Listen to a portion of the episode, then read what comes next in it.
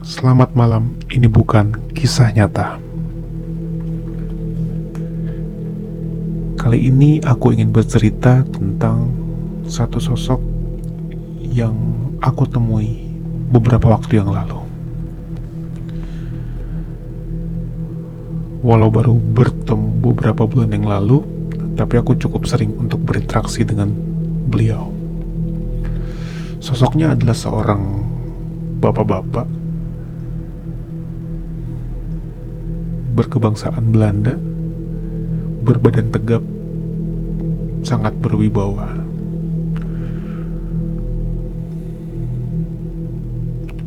Aku bertemu dengan sosok ini di satu sekolah di kotaku, di salah satu kota di Jawa Tengah.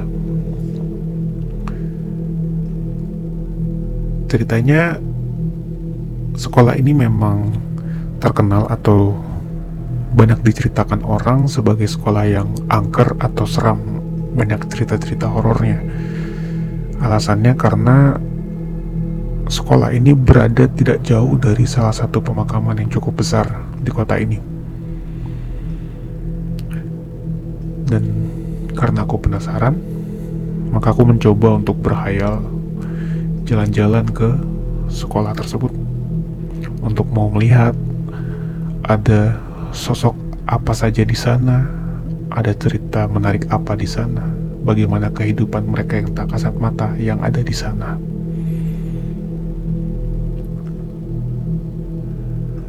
Dan benar saja, saat aku jalan-jalan ke sana, aku melihat banyak sekali sosok-sosok yang tinggal di sana dan bentuknya pun macam-macam dari yang tampak rapi atau tampak bagus sampai yang menyeramkan mengerikan. Dari yang sering diceritakan atau sering masuk TV seperti Kunti dan lain-lain yang sudah banyak filmnya sampai yang bentuknya aneh-aneh dari yang seperti korban kecelakaan atau suatu tragedi sampai yang sosok-sosok Belanda. Tapi yang menarik bagiku adalah saat aku lihat lebih jeli lagi aku melihat sekolah ini seperti dikelilingi oleh suatu pagar yang membatasi agar yang dari luar tidak bisa masuk seenaknya. Demikian juga yang di dalam tidak bisa keluar seenaknya. Seperti ada yang mengatur supaya kondisi di sana seperti itu. Dan yang menarik juga adalah aku melihat sosok-sosok di sana bukan sosok-sosok yang liar atau usil. Memang perawakannya mungkin mengerikan, secara visual menyeramkan, tapi aku melihat tidak ada yang mencoba untuk ngejahatin aku gitu. Gak ada yang coba-coba mendekat untuk nyerang atau menantang atau mengusir seperti mereka hidup berdampingan seperti yang sudah terbiasa untuk hidup berdampingan. Maka saat itu aku penasaran. Ini pasti ada yang mengatur, ini pasti ada yang mengelola, ada yang memimpin.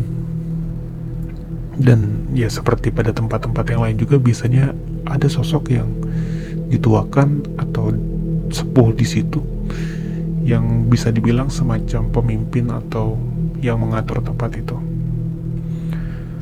Tapi saat aku pertama kali datang, aku tidak menemukan sosok itu. Tidak langsung terlihat siapa. Tapi karena aku penasaran, aku coba untuk mencari, aku coba untuk bertanya,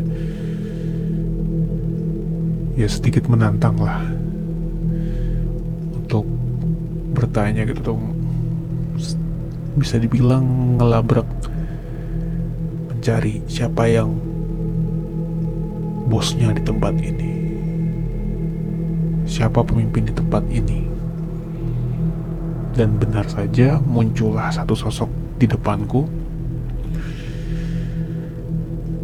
yang langsung menatap dengan tegas dan memperkenalkan dirinya. Aku membuat panggilan untuk sosok ini adalah Romo, bukan Romo gelar keagamaan, tapi Romo panggilan dalam bahasa Jawa yang berarti bapak. Namun, seperti yang tadi ku ceritakan,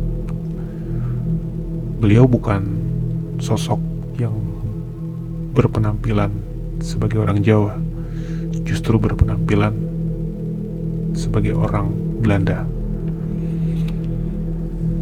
Tapi itulah panggilan yang aku sematkan pada sosok ini, yaitu Romo. Lalu akhirnya kami pun banyak berbincang. Aku banyak bertanya-tanya mengapa dia di situ, mengapa dia masih ada di sana, dan apa yang dia kerjakan di tempat itu. Dan ternyata jawabannya bagiku menarik. Ternyata dia memang sengaja membuat tempat itu menjadi semacam kalau aku bilang tanda kutip ya tempat penampungan atau mungkin tempat pengungsian.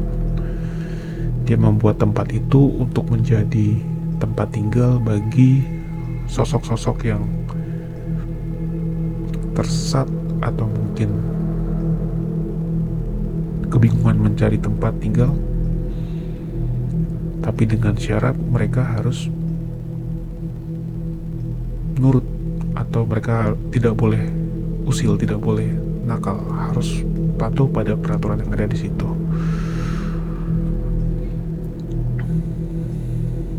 Dan aku melihat memang yang ada di sana sangat hormat atau sangat apa ya sangat nurut lah dengan sosok Romo ini. Mereka tahu kapan waktunya bagi mereka bisa beraktivitas tapi ada juga waktunya mereka untuk bisa dibilang mereka harus sembunyi gitu. Mereka harus ngumpet atau tidak menampakkan dirinya. Karena ini kan sekolah. Jadi di saat-saat bangunan itu dipakai oleh manusia mereka tidak akan mengganggu. Mereka dilarang untuk mengganggu. Nanti saat sekolah itu sudah selesai dipakai sudah tidak dipakai lagi oleh manusia atau sudah jamnya sudah tidak dipakai lagi oleh manusia dan itu dan itulah yang menjadi dan saat itulah mereka baru bisa beraktivitas menggunakan tempat itu. Dan Romo ini pun juga membentengi tempat itu supaya yang dari luar yang jahat-jahat tidak bisa sembarangan masuk untuk merusak apa yang ada di tempat itu.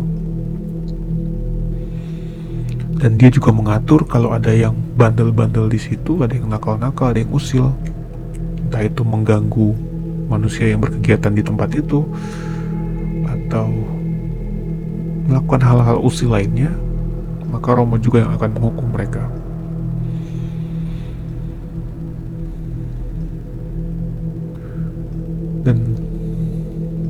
Inilah yang membuat aku menjadi sering berinteraksi dengan sosok Romo ini. Karena banyak dari atau beberapa sosok-sosok yang aku temui di jalan di beberapa tempat tempat-tempat yang horor dan sebagainya saat aku menemukan sosok-sosok yang tersesat, tidak punya tempat, dan lain sebagainya. Salah satu sosok yang aku tawari untuk menampung adalah sosok Romo ini. Di samping itu, Romo ini juga adalah sosok yang membantu aku dalam hal membuka link atau membuka jalan lah karena dari Romo dari sosok Romo ini aku jadi banyak mengenal atau mengenal beberapa sepuh-sepuh lain di kota ini ada beberapa titik di kota ini yang buatku baik energinya yang ada cerita-cerita menariknya ada cerita-cerita positifnya yang saat aku mau masuk ke sana aku dibukakan jalan oleh Romo.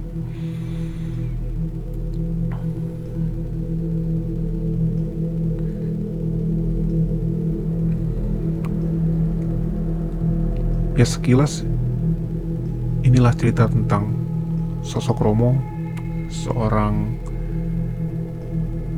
uh, penjaga sekolah.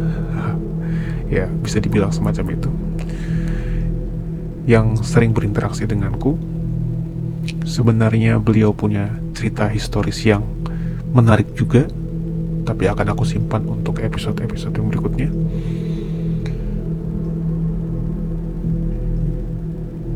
Tapi yang hari ini pengen aku ceritakan adalah bahwa aku punya satu teman atau satu kenalan yang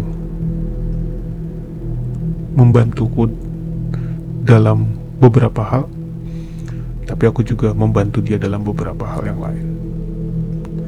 Kami banyak bekerja sama,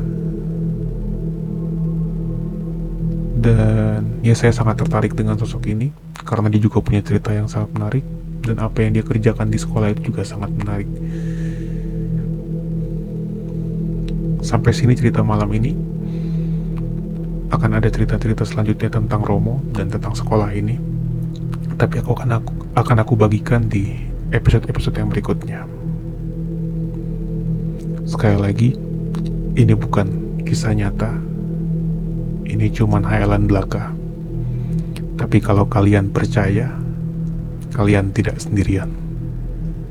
Terima kasih dan selamat malam.